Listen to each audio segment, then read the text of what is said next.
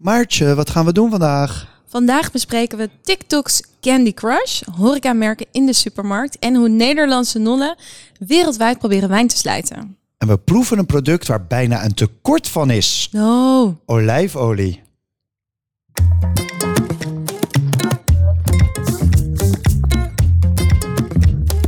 Professionele eters Maartje Nelissen en Gijsbrecht Brouwer vreten zich sneller door het laatste foodnieuws dan door een zak M&M's. In Backlekker de podcast delen ze om de week wat hun smaakte, verbaasde en irriteerde. De lekkerste ontdekkingen, licht verteerbare eetweetjes en verse trends. De foodpodcast voor iedereen die beter kan eten dan koken. Maartje, weet je, ik ga vaak uit eten, hè?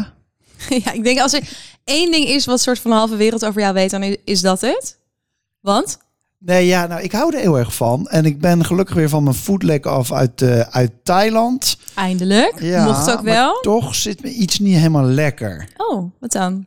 Nou, neem nou vorige week. Toen was ik dus woensdag Bistro du Bac eh, in Rotterdam. Donderdag naar 273 in Utrecht. Vrijdag naar Putain in Rotterdam. En dan deze week Stadshavenbrouwerij op woensdag, ook Rotterdam. Kita in Hendrik Ido Ambacht. En dan Restaurant Europa in Amsterdam op vrijdag. Oh, lekker lijstje wel. Nou, ik heb je hulp toch even nodig. Oeh, vertel. Nou, hoe overleef ik deze maanden? Je, ik wil natuurlijk niet zeuren. Over hoe zwaar het is om elke avond uit eten nou, te gaan. dat dus. Ja. Precies dat. Maar je wilt toch even ja, zeuren. ik wilde wel even zeuren, sorry. Kijk, ja, nou ja, een beetje zeuren dan. Maar nee, ik vind, ik hou wel echt wel van uit eten gaan, maar het is wel werk. En ik werk er ook, als ik er ben, word ik ook aangesproken door mensen, ben druk mee bezig, noem maar op. Dus ik wil, ja, ik zit een beetje te zoeken van, of ben ik gewoon oud aan het worden? Hmm. Nou ja, ik, ik herken het wel. Want ik bedoel, ik, ga ook heel veel zakelijk uit eten. En je staat dan toch aan. Dat is het toch? Ja. Je staat gewoon aan en je bent dan heel erg bezig met van wat klopt er, et cetera, et cetera. Ehm, nou, misschien een gekke tip. Maar ik ga dus eigenlijk bijna nooit meer in het weekend uit eten.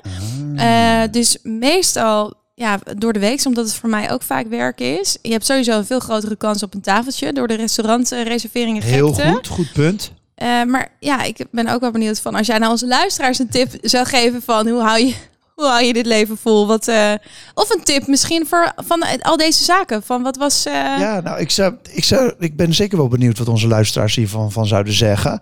Ehm, want ja, het is gewoon, het is inderdaad gewoon werk. Maar het is, het is wel, ik geniet er wel van. Dus een beetje dat evenwicht.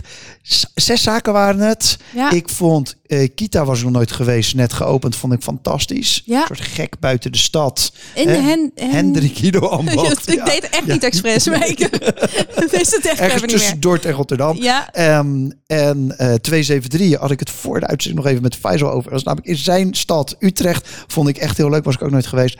Maar ik was afgelopen week bij restaurant Europa. En dat was weer zo zeldzaam goed. Dat is zo heel erg mijn keuken is dat. En wat is dan jouw keuken? Ja, avontuurlijk zou ik willen zeggen. Niet, niet zo voor de hand liggend. Beetje richting de natuurwijn gekookt zou ik bijna willen zeggen. Oh ja, ja, ja. Ja, ja. Dus En- een zuur, spannend, beetje, kermis ja, eh, ja, ja, nee, niet Oh. vol power, maar wel ook veel met Japans, miso, koji, allemaal dat soort dingen. Er was één gerechtje, dat was, dat werd ook zo, chef komt dan de hele tijd zo, ja, ja hij kan eigenlijk niet anders, want je zit bij hem in de keuken ongeveer aan een Mhm. lange bar. En die chef komt dan vertellen, oké, dit is, eh, ja, we hebben poolpo, die hebben we dan gegrild en we hebben eh, witte asperges in kleine stukjes. En dan hebben we nog eh, een saus van crab brains. Toen zei hij het nog een keer, crab brains, voor het Oh. geval we het misten. Ja. Namelijk dat we dus een saus van krabbenhersenen, ik zou het niet eens goed in het Nederlands kunnen Krabbe, zeggen, krabbenbrein. maar krabbenbrein aan het eten waren. Maar die was met miso aangemaakt. Fantastisch, echt. Wow, dit klinkt wel echt spannend. Ja, echt een aanrader. Zullen we anders in ieder geval al deze restauranttips even in de show notes gooien van deze aflevering?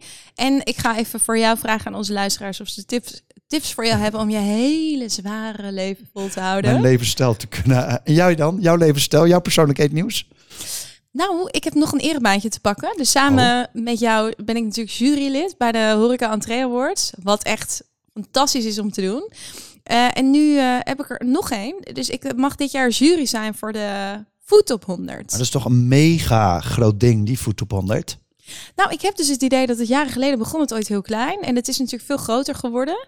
Maar ik heb wel allemaal berichtjes gekregen van mensen die zeiden, ik, ik heb me aangemeld. Zo van, tip, tip, hint, hint. Oh ja, ja, nee, die ben uh, Uh, ja. moet jij natuurlijk omgekocht worden. ja, maar ik Ja. ben echt niet om te kopen, dus Oh. dat zeg ik alvast. Oké. Eh, maar ik vind het dus een hele vette eer. Wat ik vooral zo leuk vind, is voor de mensen die Food 100 niet kennen. Eh, dat is een jaarlijkse lijst van de meest impactvolle voedselveranderaars van Nederland. En heel divers. Als in uit alle hoeken en gaten eh, iemand die iets doet met eh, food. Dus van een varkensboer eh, tot een sustainable cateraar en alles ertussenin. En nou, ik vind het gewoon heel inspirerend dat het bestaat. En ik dacht misschien leuk om een van de foodhelden van vorig jaar even uit te lichten. Dat was Yasmina Kababi. Ik hoop dat ik het goed uitspreek. En zij is de oprichter van Fresh Table. Ken jij dat al? Nee, fresh table, fresh table, ja. Oh, ik dacht Kan allebei. nou. Eh en dat is een bedrijf wat eh, verse wereldgerechten bezorgt en met elke maaltijd bijdraagt aan een inclusievere en duurzame wereld, maar dan ook echt. Dus ik vind het vet inspirerend. Nou, ik ben super trots op je. Hey, dankjewel dat jij weer luistert. Wij zijn de laatste weken weer enorm gegroeid in luisteraars en eh, ja, daar worden we heel blij van. En een van de dingen waar we blij van worden zijn jullie reacties. En eh, deze keer kwam een van onze favoriete luisteraars. Je zijn natuurlijk allemaal onze favoriete luisteraars. Maar een van onze favoriete luisteraars, Iris Kranenburg, kwam met een voice memo.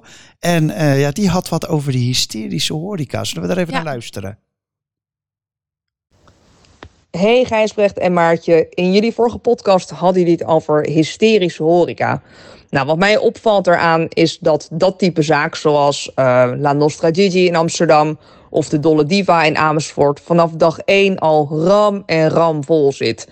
Hoe kan dat? Waarom is het juist dat type zaak dat vanaf dag 1 immens populair is? En dan het tweede deel van de vraag. Hoe kan een ondernemer ervoor zorgen dat dat over een jaar nog steeds het geval is? Dat was eh, Iris, ook de hoofdredactrice van eh Entree Magazine. Ja, en ik moet zeggen, ik snap persoonlijk dus die aantrekkingskracht ergens wel. We hebben het er natuurlijk vorige aflevering over gehad. Ik ben ook een beetje sceptisch over van hoeveel liefde zit er in het eten. We kregen daar best nog wat reacties op. Dus iemand op LinkedIn zei van, nou, er zijn een paar zaken waarbij het echt en-en is. Nou, dus dat gaan wij binnenkort meemaken. Eh, maar volgens mij gaat het er vooral om dat je die beleving gewoon een keer wil proeven en ervaren. Het theater, het spektakel. Ja, en heel eerlijk, al deze zaken zijn natuurlijk, er zit zoveel geld, tijd en toch ook wel liefde in, in dat ontwerp en in dat decor. Wat gewoon op social media heel lekker uitkomt. Ja. En daar ook wel voor ontworpen is. En in PR natuurlijk ook. Dus die PR-bedrijven kunnen vol losgaan. Ik denk als je dat wil vasthouden, hè, want dat is natuurlijk het tweede Ja. deel van Iris' vraag, is dat je eigenlijk gewoon, het is het heel simpel. Als je je eten gewoon goed doet en je gastvrijheid goed, eigenlijk de twee andere dingen die belangrijk zijn in een horeca. En ik denk dat je niet moet helemaal moet vastpinnen. Zeg maar, vorige keer zei ik natuurlijk, doe nog een paar gerechtjes en hou die goed. Maar wel een beetje doorwisselen, want dan krijg je gasten nog Ja. eens terug. Zeker, maar ik, ik- ja, wat ik dus wel spannend vind, wat ik dus heel goed gedaan vind door Her- Herman Hel bij Grace, is dat daar zit nog wel iets van tijdloosheid in. Snap je wat ik bedoel? Jawel, zeker. Zeker. Het zijn een soort internationale tijdloze gerechten. Helemaal eens. Ja. Precies. Oké, tijd voor... Food nieuws. Maartje, toen ik jou van de week aan de telefoon had, toen was, zat je de hele tijd te, te knauwen ergens op. Wat was je aan het eten toen? Ja, ik schaam me ook niet. Nou, een beetje eerlijk gezegd. Maar eh, ik was die felgekleurde har- snoephartjes aan het eten. En toen dacht jij nog Ja, dat het die, waren waar die tekstjes, op staan. erop. Soort Maar ik, die bedoelde ik niet. Dus ik was die felgekleurde aan het eten met eh, in groen, wit, blauw, weet ik wat. En dan met die witte binnenkant van Haribo. Die Ik weet dat heel veel mensen dit vies. vinden. Even Faisal knikt op de achtergrond echt zo heel goedkeurend. eh. Oké, ik zit in weer in die minderheid zit Ja. ik hoor. Ehm, nee ja, eh, ik hou gewoon niet van, van iets waar iets weegs in zit, sorry. Ja, je bent zelf weg. Maar prima, agree to disagree. En over tot de orde van de dag, want dit is echt een heel leuk onderwerp. TikTok en snoep is echt ontzettend aan. En ik zal eerlijk zeggen, ik had deze trend helemaal gemist. Want ik zit niet zoals jij eh, heel veel op TikTok. En ik had instant eh, FOMO. Dus misschien Ja, wil jij onze ja, luisteraars ja, even meenemen. ja. Ja, What's ik happening? ik- gelukkig stuur ik af en toe mijn, mijn leukste video's stuur ik natuurlijk naar je door. Zeker, nog waardeer een ik beetje zeer. aangelijnd. Eh, nee, het is gewoon zo dat eigenlijk iedereen en alles eh, loopt te shinen op TikTok met snoep, lijkt het wel. Het kan ook wel weer zijn dat ik waarschijnlijk in een of andere bubbel zit. Maar ehm Jamin heeft zelfs een speciale TikTok-watcher aangenomen. Wow. Zodat ze dus precies in de, in de Jamins kunnen neerleggen waar de kiddo's die allemaal op TikTok zitten natuurlijk allemaal naartoe willen, wat ze willen hebben. Er is een, en dat is echt heel erg leuk. In het oosten van het land heb je een soort, soort snoep, ja, distributeur, leverancier. Ja. En die filmt dus het inpakken van die snoepdozen. Ja? Dus dan krijg je dus, oké, deze Maartje heeft nu, eh, oh, hier zijn de lange tongen, hier zijn de, de, de grote harde harten met weeige binnenkant. En dan legt ze dat allemaal in die doos, of hij, en dan filmt ze dat. En dat zetten ze dus op TikTok mega populair. Maar er is was een aanleiding. Dus nu heb je het over Nederland. Maar volgens Ja. mij in het buitenland gingen er vooral twee soorten gingen he- helemaal viral, Ja, toch? ja, nee, er zijn, ja, nou, ik moet eerlijk zeggen, dit, dit, is, dit speelt al een hele tijd. En de- Sinds, maar, sinds corona eigenlijk, toch? Ja, corona was natuurlijk gewoon sowieso voor TikTok de grote Ja, lanceermoment. En een van de dingen die afgelopen tijd veel gebeurd is, zijn ehm, voor het geval je eh, thuis wil doen, dan moet je een eh, vriesdraaier kopen en moet je snoep in de vriesdraaier doen. In de vriesdroger. Vriesdroger, ja. Eh, en een andere optie is, maar die zijn in Nederland waarschijnlijk wel te krijgen, maar dan moet je ze dus via zo'n persoon bestellen. Dat noemen ze jelly fruits. En dat zijn een soort van grote ballen en die moet je dan in je mond kapot bijten en dan spatten ze. En dat moet je dan filmen en dan zie je zelf een soort van, nou ja, En heel vaak, volgens mij, ze gaf van die filmpjes, heel vaak lukt het niet. Dus dan is het de Jelly Fruit Challenge of zo.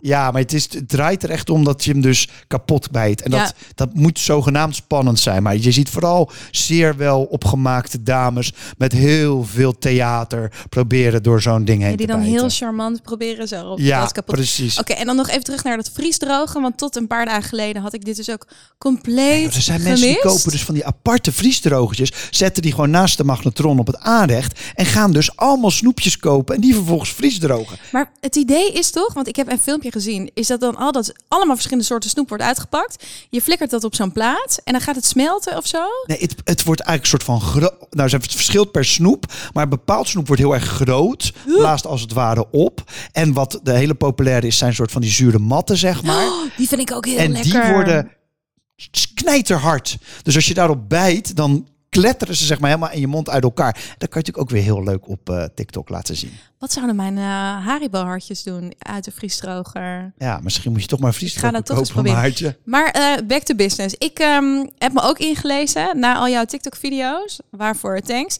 En het begon ook een beetje met een Amerikaanse ondernemer, een jonge vrouw. En die had ehm, Candy Me Up. Candy Me Up. Eh, dus dat is een bedrijf eh, wat het heel goed deed. Vegetable, vegetable, ken niet meer. Ja. Het is nog niet helemaal mijn dag. Maar dat komt nog wel. Eh, en deze dame die had een heel goed lopend bedrijf. Maar die verkocht vooral een hele grote retailer, supermarkten, et cetera. Haar hele business verdween. Tijdens corona? Tijdens corona ze begon deze webshop. Ze is volgens mij 2,5 jaar, 3 jaar bezig, nog niet eens. Ze heeft nu een TikTok-account met 1,1 miljoen volgers. Ja, bizar. Maar snoep, dat is, dat is gewoon super populair. En als zij dus iets erop zet, en zeker als het aan de praat krijgt met zo'n challenge erbij, dan verkoopt ze gewoon tienduizenden van die producten. ja, zij zei ook, die pallets zijn af en toe niet aan te slepen. Hè? Dus ze zei van Ze voorheen... zijn letterlijk op sommige in Amerika. niet Zoals die te jellyfruits, die waren gewoon op. Kon je nergens meer krijgen. Ja, ik, ik moet dus zeggen, ehm, ik ben best fan van haar webshop. Eh gaan we ook even die show notes gooien. Eh, en, wat is jouw favoriete snoepje daar dan? nou, het is niet dat ik denk van, oh, doe me dit nu. Maar er Oh. zijn snoepsoorten zoals de Toxic Waste Mega Slime. En het ziet er eigenlijk uit als een soort deodorantstick. Die Oh, je ja. dan omhoog kan poppen. Ja, En lekker lijkt ja, dat. lijkt me dan weer niet zo. En dan heb je een de Lama Doe. Volgens mij ben jij bijna jarig. Ja, ja, doe maar. nee, laat soort van doe kleine maar. Ja. Lamaatjes die snoepjes uitpoept. Ja, Ja, dus het is echt... dingen vroeger, die Het uit slaat kwamen. zo. precies, het slaat helemaal nergens op. Maar nu ik erop ben gaan letten, zie ik ineens overal dit soort van he- giga kleurrijke, is chemische, Het is online super branded snoep. Maar het is ook in de stad ineens overal. overal Dat heb ik, dat heb ik echt nog niet gezien. Hele Nee. lelijke snoepwinkels. Gewoon Oh. bijna helemaal lelijk ingericht. En dan zie je allemaal van dit soort internationale snoepjes uit Mexico, uit Japan, uit Amerika, nou, UK, neem het. Weet je, als het maar niet Nederlands is, zeg maar. Mhm. En dan, eh, ja, dan gaan we, ja, vooral jonge mensen toch, gaan dat kopen. Dus ehm, wil jij nog een spelletje spelen met mij? Een challenge? Een challenge. Kom maar door. Ehm, ik noem er één en dan moet je, nou, die jellyfruits hebben we net gehad. Ik noem er één Jij noemt een snoepsoort? en dan moet jij zeggen wat het is en waar het vandaan komt. We beginnen met de takis. Takis. Oh. Het klinkt Japans. Eh, ik heb geen idee wat het is. Volgens mij was dit Mexicaans, toch? Takis. Oh, ik De jij het fuego. Ja, fuego. Ja, het zijn een soort rare chippies. Ja, nee, het komt uit, het komt uit Mexico inderdaad. Masa flour. Ja, klopt. Een soort eh corn chips zijn het. Oké, dat waren de takis. We zullen deze ook wel even nog op onze Insta zetten of in de show notes zetten. Dan, dit, eh, deze heb ik recent nog geproefd. De Pocky. Oeh, als jij hem hebt geproefd. ehm, de pokkie. Ik denk eh, iets eh, zuurs wat kan poppen. Nee, dat zijn van die hele mooie stokjes. soort van koekjes op een stokje. Oh, Met een chocoladedipje eroverheen. En dat chocola Oh. kan wit zijn. eh, gewoon natuurlijk gewone chocola. Maar kan Oh. bijvoorbeeld ook eh, matcha zijn of zo. Dus ze komen uit. Japan. Die zijn oprecht lekker. Nou, Hmm. laatste dan. Oh, dit is niet meer leuk. Ik hou van winnen. wat win Nou, ik ik heb nu een hele makkelijke voor je. De Laffy Taffy. Die heb je toch wel gehad? Het klinkt als toffee, maar dat is vast weer iets anders. Nee, ik weet het niet. Nou ja, die Laffy Taffy, dat zijn een soort lange, slingerachtige... Beetje zoals die, eh, die, die tongen, zeg maar. Hoe noemen we dat net? Die, die, Ja, die zure matten, zeg maar. zure matten, Daar ja. lijken ze een beetje op, ja. En die komen uit Amerika. Dus eh, Hmm, nou, ik heb dus alles fout. Maar is het heel millennial van mij dat ik het toch heel graag allemaal wil proberen? Ja. Ook al vind ik het niet allemaal heel aantrekkelijk. nee, maar het ziet er ook geweldig uit. Dus eh, ik zou gewoon zo'n bestelling doen als ik jou was. Ja, ik denk dat we het gaan doen. Een Ja. back lekker surprise box. Ja. Oh, misschien kunnen wij er eentje uitzoeken en dan naar onze luisteraars opsturen. Oh, leuk! Dat gaan we doen. Ja, oké. Hey Gijsbrecht, jij luistert graag naar de podcast van David Chang, toch? Klopt. Eh, want dan heb je vast gehoord dat deze man, die is sowieso met zijn neus in alle soorten business. Maar naast heel veel indrukwekkende restaurants, heeft hij nu ook producten voor de supermarkt onder de naam Momofuku Goods. Ja, echt fantastisch. Het is zelfs zo erg dat mijn broer komt over drie weken vanuit eh, New York naar Nederland. En ik heb gevraagd of hij die chili crunch mee wil nemen. Mm. Dus dat is zo'n soort, ja, ja, gewoon een soort saus die je ergens overheen kan gooien. Zo'n beetje tussen een chutney en een, en een hot sauce in. En je weet eigenlijk niet dat je het nodig hebt in de keuken totdat je het keer ergens opgegooid hebt. Ja. En dan wil je niet meer zonder, zeg maar. Ja, ik heb het precies hetzelfde met die chili crunch. Maar over David Chang, hij heeft recentelijk eh, 17 miljoen dollar opgehaald aan investeringen. En dat heeft hij opgehaald om zijn sauzen en noedels en dus die chili crunch-achtige condimenten in de supermarkt sneller te laten groeien. Ja, dus in de VS zie je dit eigenlijk op grote schaal. Tenminste, groot. Hadden we het net over hoe groot is groot. Maar je ziet het echt veel meer dan hier. Want je ziet bijvoorbeeld Una Pizza Napolitana. Nou, dat is echt Ja. eigenlijk de beste pizzabakker buiten Italië. Ja, Mhm. Die gaat dus nu frozen pizza's gewoon verkopen in de supermarkt. Je ziet het met de sauzen van Carbone. Wat een beetje die hele chique Red Soul stand is in New York en in Las Vegas en in Miami. Waar je allemaal met veel te veel geld kan komen. Die gaan dus die rode sauzen gaan ze in de supermarkt verkopen. Dus het is echt een dingetje. Ja, en in Nederland hebben we het heel erg tijdens corona ook zien opkomen. Eh, dus we zagen de maaltijden van Ron Blauw bij de Albert Mhm. Heijn. En heel veel lokale chefs die lokale samenwerkingen aangingen. We zagen de pizza's van eh Old Scuola, Rotterdamse Pizza Bar. Bij de Jumbo. bij de Jumbo. En ja, wij zeiden tegen elkaar, het is eigenlijk zo jammer dat, dat het nu allemaal weer een beetje een langzame dood is gestorven.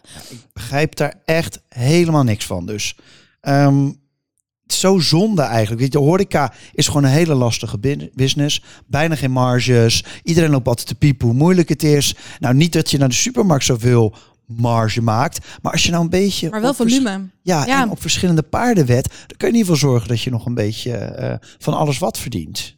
Hmm. Ja, eens. Nou, gelukkig zijn er toch wel wat ondernemers die het, eh, die het wel doen. Dus Johnny Boer, die, die deed het echt al, echt al ver Ja, die voor corona voorloper. ook. Ja. Die deed dat echt goed. Die, eh, die heeft nog steeds een, eh, een kruidenlijn met eh aroma en eigen olijfolie. Maar wat ons ook opviel is dat sinds eh, dit jaar is ook de hummus van het Amsterdamse restaurant Neni te koop bij tientallen Albert Heijn winkels. ja, heel cool. Maar het is nog wel heel beperkt hier. Ja, ehm, het is toch een beetje lastig, vind ik. Je, in je fysieke restaurant is gewoon lastig geld verdienen. Ehm, want mensen zijn een beetje gek. Weet je, ze kopen een iPhone voor 1000 euro. Maar als jij zegt, ik maak een heel mooi gerechtje. En er zitten hele mooie ingrediënten in. Dan is 20 euro ineens heel veel.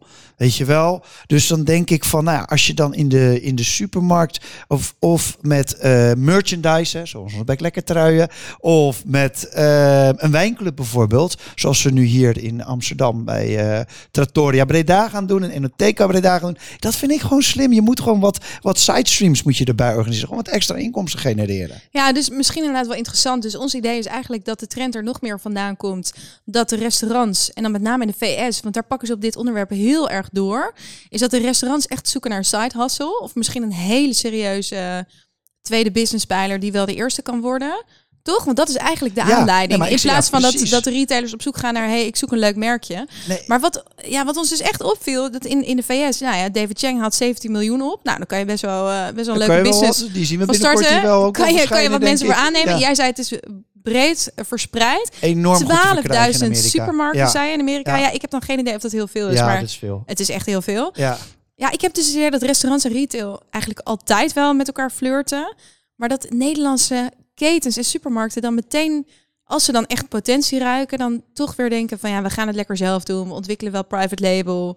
Wel een Ehm, beetje een Nederlandse ziekte inderdaad, die private label. Toch? Maar Ja. aan de andere kant, wat ik dus zie, wat, wat, wat David Chang doet, is zijn merk zo sterk maken dat Ja. ze niet meer om je heen gaan. En dan wil je het vanwege David Chang. Ja, en Ja. dan vanwege dat je weet dat hij gewoon de beste chef is, die de lekkerste ingrediënten voor op je, Ja. voor op je noedels maakt, zeg maar. Nou ja, we, eh, in ieder geval wat we heel zeker weten is dat die supermarktklant steeds meer horecabeleving wil. Ook tijdens het boodschappen doen. Ook de boodschappen die je haalt voor thuis. Ehm, daar gaan we nog veel meer van zien. Dat zie je ook zeker terug in dat private label assortiment. In gewoon wat je kunt verkrijgen. Het Zo, gemak die- van die, dingen. soort open koelkasten waar je alles uit kan pakken, zeg maar. Precies, ja. nou Sushi Daily bestaat al forever in de Albert Heijn heel succesvol. Maar weet jij nou bijvoorbeeld, dus we hebben het nu over Amerika. Hoe is het dan bijvoorbeeld in Frankrijk, in Duitsland en de UK? Nou, Ik heb me kapot zitten googelen in, eh, in het Duits, Italiaans en Frans. Maar Ah. ik kon niet heel veel vinden in de, in de supermarkten, bijvoorbeeld in de EDK of in de Carrefour. Wat Mhm. je wel ziet, is dat de echt grote namen, dan heb ik het over Alain Ducasse Ja. of over Massimo Bottura, die maken wel hun eigen producten. Maar dat zijn dan vaak weer wat meer high-end producten. De beste chocola van Ja. Ducasse, de mooiste olijfolie van Bottura. En dan zie je even zo'n zo'n supermarkt volleggen met Ja. eigenlijk gewoon een soort van ja, huishoudproduct, om het zo te zeggen. Mm. Dat lukt toch, ja, Cheng wel, maar in Europa zie ik dat niet zo gebeuren. Nee, ik ook niet zo.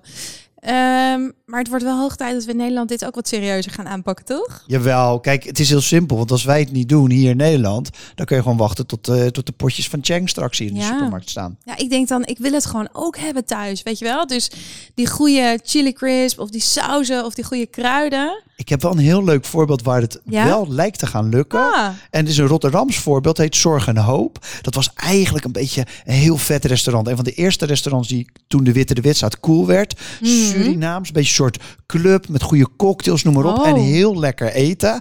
En die dame is op een gegeven moment gestopt met haar restaurant. Toen heeft ze de drie belangrijkste smaken eigenlijk. Creools, Javaans en Hindoestaans. Heeft, je, heeft ze letterlijk in, in zakjes gedaan. oh, wat een goed idee. En eh, dan zegt ze met de producten van hier, de smaken van daar. Ik vind het ook zo'n oh, lekker motto. ja. ja. Dus, en dat ligt gewoon bij de Jumbo, dus die kan je gewoon kopen. Oh, heel leuk.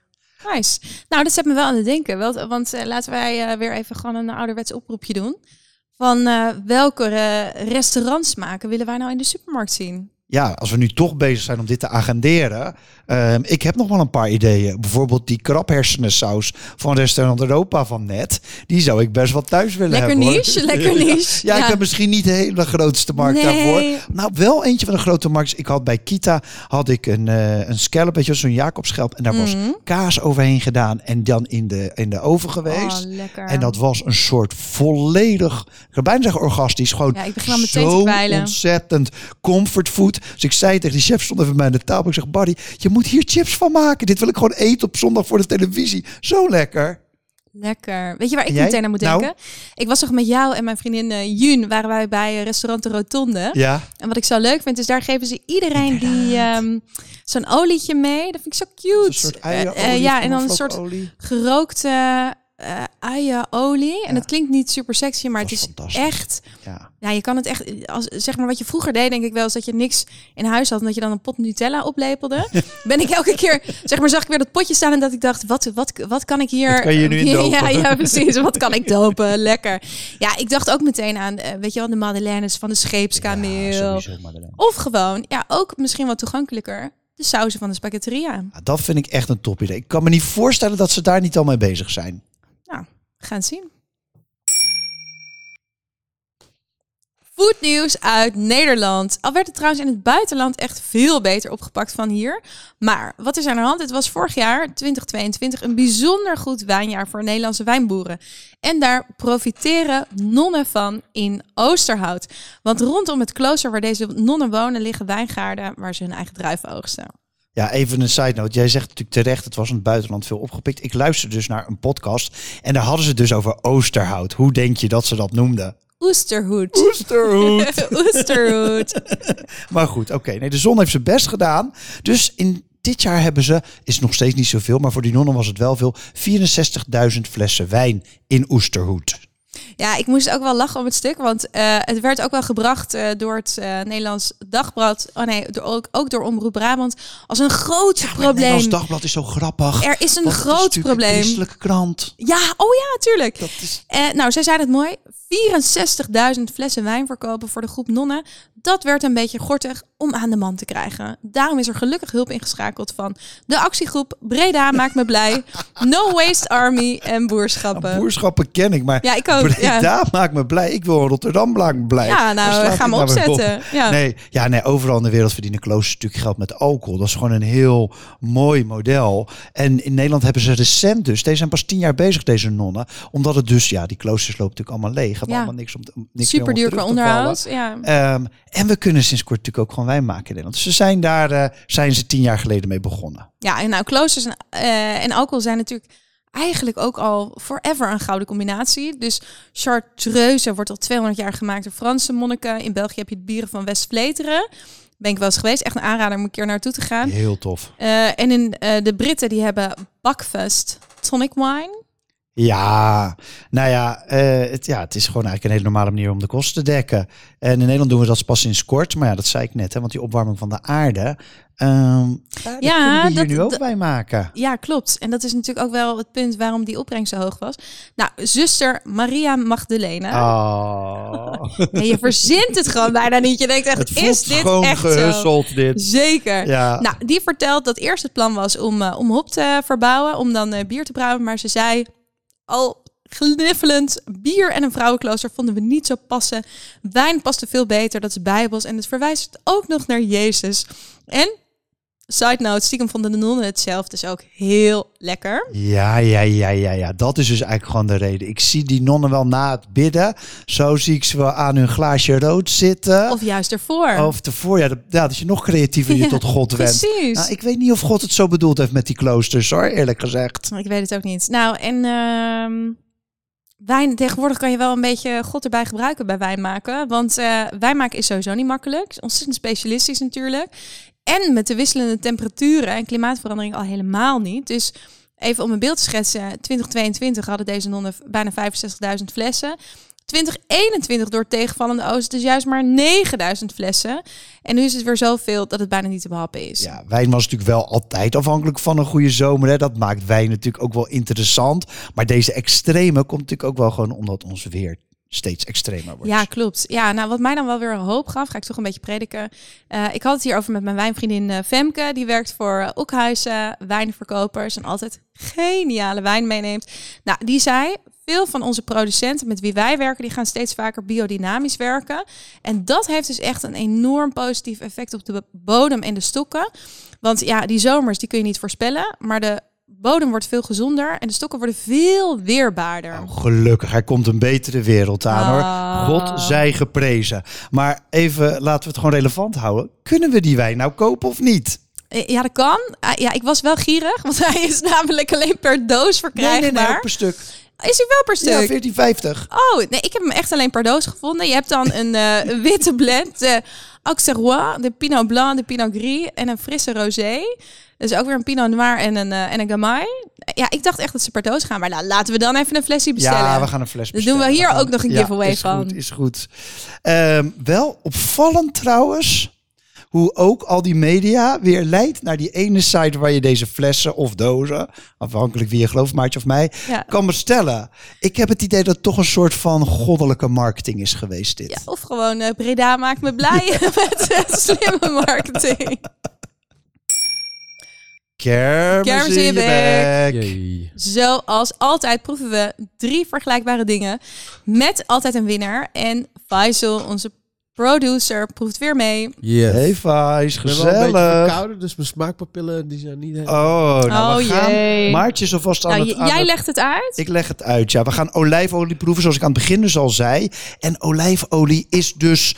Daar komt dus een tekort aan. Dus jullie moeten nu hamsteren. Want ook dat ligt weer aan het klimaat. Er is de, de halve oogst in Spanje is mislukt. We hebben drie olijfolies. En een beetje type affordable luxury. Dus niet het huismerk. Niet de Bertolli, zeg maar, van eh, vroeger Unilever. Nu niet meer. Maar één stapje erboven. En dan hebben we dus Monini. Dat is dat hele mooie Italiaanse merk. Dan hebben we Casolare Bio Grezzo Naturale. Ook uit Italië, maar dat Puglia. En dan over van Monini hebben we de Extra Vergine Classico. En dan hebben we die Griekse. Ik ga dit niet aan mijn mond krijgen, denk ik. Family Gegaz, Gegazas. Organic olijfolie uit Creta. Eh, sorry, maar ik proef echt helemaal niks. Nou, het is wel een hele milde olie. Oh, deze is heel zachtjes Ja, het is inderdaad. heel zacht. Helemaal niet zo uitgesproken vergine deze, vind ik. Mm, mm, maar wel, Is dit jouw Heel huisolijfolie of niet? Heb En- jij deze altijd thuis? wil je het echt weten? Ik heb gewoon olijfolie van de Lidl. Oh ja, dat, dat zei je al eerder. Ja. En die tweede, of uit- van mijn ouders uit Frankrijk. Het klinkt natuurlijk wel weer heel elitair, maar mijn ouders hebben een Ah. olijfolie, olij- olijvenboom in de tuin in Frankrijk. Oh, maar maken ze dan echt zelf olijfolie ja, uit komt die... van die twee bomen komt één keer in de twee jaar komen er een paar flesjes van. Serieus? ja, dat is echt zo. Dat is echt. Oh, Ja, ja. dat is, dat is wel echt heel leuk. Nou, dan gaan we naar de, Wil je? de tweede. Oh, ik heb, nee, sorry, ik heb verkeerd neergelegd. Dus we gaan nu naar de family Gekazas. Oh, de Griekste. Ja, dat is een organic olijfolie. Oeh, dat is een groot verschil. Ja, deze is wel Dus heel pittiger. scherp? Ja, veel scherper. Ja. ik proef nog steeds. Beetje citrus. Sorry, jullie hebben niet zoveel aan mij vandaag. Oké. Hij is wel Nou. echt scherp in de... Gaan we naar drie. Naar drie is dus dan de casolade nu? Ja. Misschien als je die wel proeft, ik toch blijven proberen. Ja, Is goed. Casolare Bio. En dat is ook weer een ehm, Die is wat organic, grassiger is die. organic olijfolie uit Ja. Puglia. Een beetje grassiger, een beetje lichter. Oh ja, Een klein Zo. pepertje heeft hij. Mm, dit is wel echt lekker door salades, zeg. Ja, deze kan inderdaad goed op een salade of zo, zou ik zeggen. Terwijl ik zou die gratas, zou ik misschien inderdaad meer met brood om te dippen doen of zo. Oké, nou Faisal, durf je iets te kiezen of is dat onmogelijk? Eh, Ik denk nummer 1. Ja, dat was Monini, toch? Heb je daar het meest geproefd? Ja. Die was het Monini. mild. Oké. En bij jou, Maartje? Ja, ik ga voor die ehm ehm Casolare. Ja, ik vond die, Die dus is echt, ook eh, het lekkerst. Maar we hebben een beetje slecht omschreven waarom we die lekker vonden. Dus hij is ook een, beetje, hij is een klein beetje peperig, een beetje grassig. Nee, ja, of dat een is beetje dat hele jonge. Ja, heel fris. Een beetje, ja, Ja. gewoon heel groen eigenlijk. Ja, Smaakt heel heel, groen, ja. Oké, we hebben een winnaar. Casolade Bio Grezzo Naturale uit Puglia. Mm. Mijn mond leeg eten. Ja, ik wou net zeggen, waar kijk je naar uit? Maar anders begin ik alvast als je mond nog vol zit. Gijsbrecht, waar kijk je naar uit? Nou, Gijsbrecht, ik kijk uit. Oh, Nee. Ik dacht, we knippen dit, maar nee, ga maar door. Ehm, nee, ik heb, ik heb iets heel leuks. Ik, ga, ik heb wel eens vaak verteld dat ik eh, eh, vaak eh, soort stedentripjes doe. En dan echt helemaal los ga. Gewoon op eh, horeca eh, in zo'n stad. Yes. Nou, dat valt wel mee. Gewoon heel veel. Heel lekker eten en drinken. En ik ga dus nu met mijn goede vriend Harold naar eh, Brussel toe. Harold is toch van die verjaardag van champagne en kreeften hotdogs of zo? Weet je nog? Of is het een ander, ander iemand? Dat is iemand anders, denk ik. Oh, Moet ik even... Ik kan me even niet meer scheppen. Oké. Kraak, kraak. Niet belangrijk. Nee, Ehm, nee, dus naar Brussel. En nou hoor je meestal mensen die zeggen van ik ga, oh, in België Ja. ga ik naar Antwerpen. Brugge. naar. En dat zijn allemaal toffe steden. Maar Brussel is wat een rauwer. Stukje Europese Unie Is een beetje daar. de Rotterdam van België. Nou, precies. Toch? Dus ik heb er zin in. En ik heb Wat ga je doen? Waar ga je nou eten? ja, ik heb al een aardige lange lijst gemaakt. Maar ik laat het ook altijd een beetje gebeuren. Maar waar ik wel echt graag heen wil, is Night Shop. is een beetje een stoere... Oh, dat klinkt ook wel spannend. Ja, maar moet je België niet ook ontzettend reserveren? Nee, valt wel mee. Valt Oh. wel mee. En Aster. Ja? En dat is, eh, dat is van die chef die eerst bij 4850 in Amsterdam stond. Dat Oeh, die, wat, dat is echt zo goed, was dat? onwijs goed. Dus dat, Ja. die twee heb ik nu alvast op het vizier. Maar ik heb nog veel langere lijst. Kom er nog wel een keer op Nou, terug. En jij? lekker. Nou, ik heb echt heel veel leuke dingen in het vooruitzicht. Maar ik kijk heel erg uit naar, met... op, vak- ik ga op vakantie. Eh, dus ik ga een weekje naar Frankrijk met mijn goede vrienden Isa en Stiep. En onze kleine aanhang. En eh, nou, we zitten echt in de middle of nowhere. We hebben gewoon het geboekt voor het huis. Dus we zitten in echt een hele chille giet. Ehm, tussen de Champagnestreek en Parijs. En hou je vast, ik heb het goede voornemen om heel veel te gaan koken daar. Ja. We zitten op anderhalf uur rijden van Parijs. En ik dacht, ik ga gewoon een ochtend, gewoon om half zes ochtends, Ja, ga ik rijden naar Rungis. Oh, naar Rangie. De- grootste versmarkt van Europa. En ga ik daar heel dik inkopen doen. Ah, Ga echt ik daarna ontbijten in Parijs. En dan ga ik gewoon de hele dag in de keuken staan. Daar heb ik Ah, echt vet veel heel zin erg in. Ik ben daar dus nog nooit geweest, maar ik Nee, ik weet ook wel, niet. toen een beetje dat, dat betere eten opkwam Ja. in de jaren negentig, had je een aantal van die Rotterdamse horecaondernemers die gewoon vol gas naar Rangie reden en dan weer terug en dan, eh, dan daar de hele week van kookten of twee keer in de week zelfs per week Ja. gingen. Dus dat is eh, Nou, ik Ja. laat je weten hoe het was. oké. Dank je wel weer voor het luisteren. Dit was Back Lekker de podcast vanuit Bunk in Amsterdam-Noord. Dank aan Gold Kimono voor deze lekkere tune. En natuurlijk aan Faisal, deze keer zonder smaak, voor de productie. Vond jij dit een leuke podcast? Stuur hem dan door naar een van je vrienden. Echt doen! En vergeet niet onze podcast te raten in een van je favoriete podcast apps. En heb jij nog foodnieuws? Laat ons vooral weten via Instagram, Instagram of LinkedIn. Je vindt ons als je zoekt op Back Lekker de podcast. Tot over twee Tot weken. over twee weken.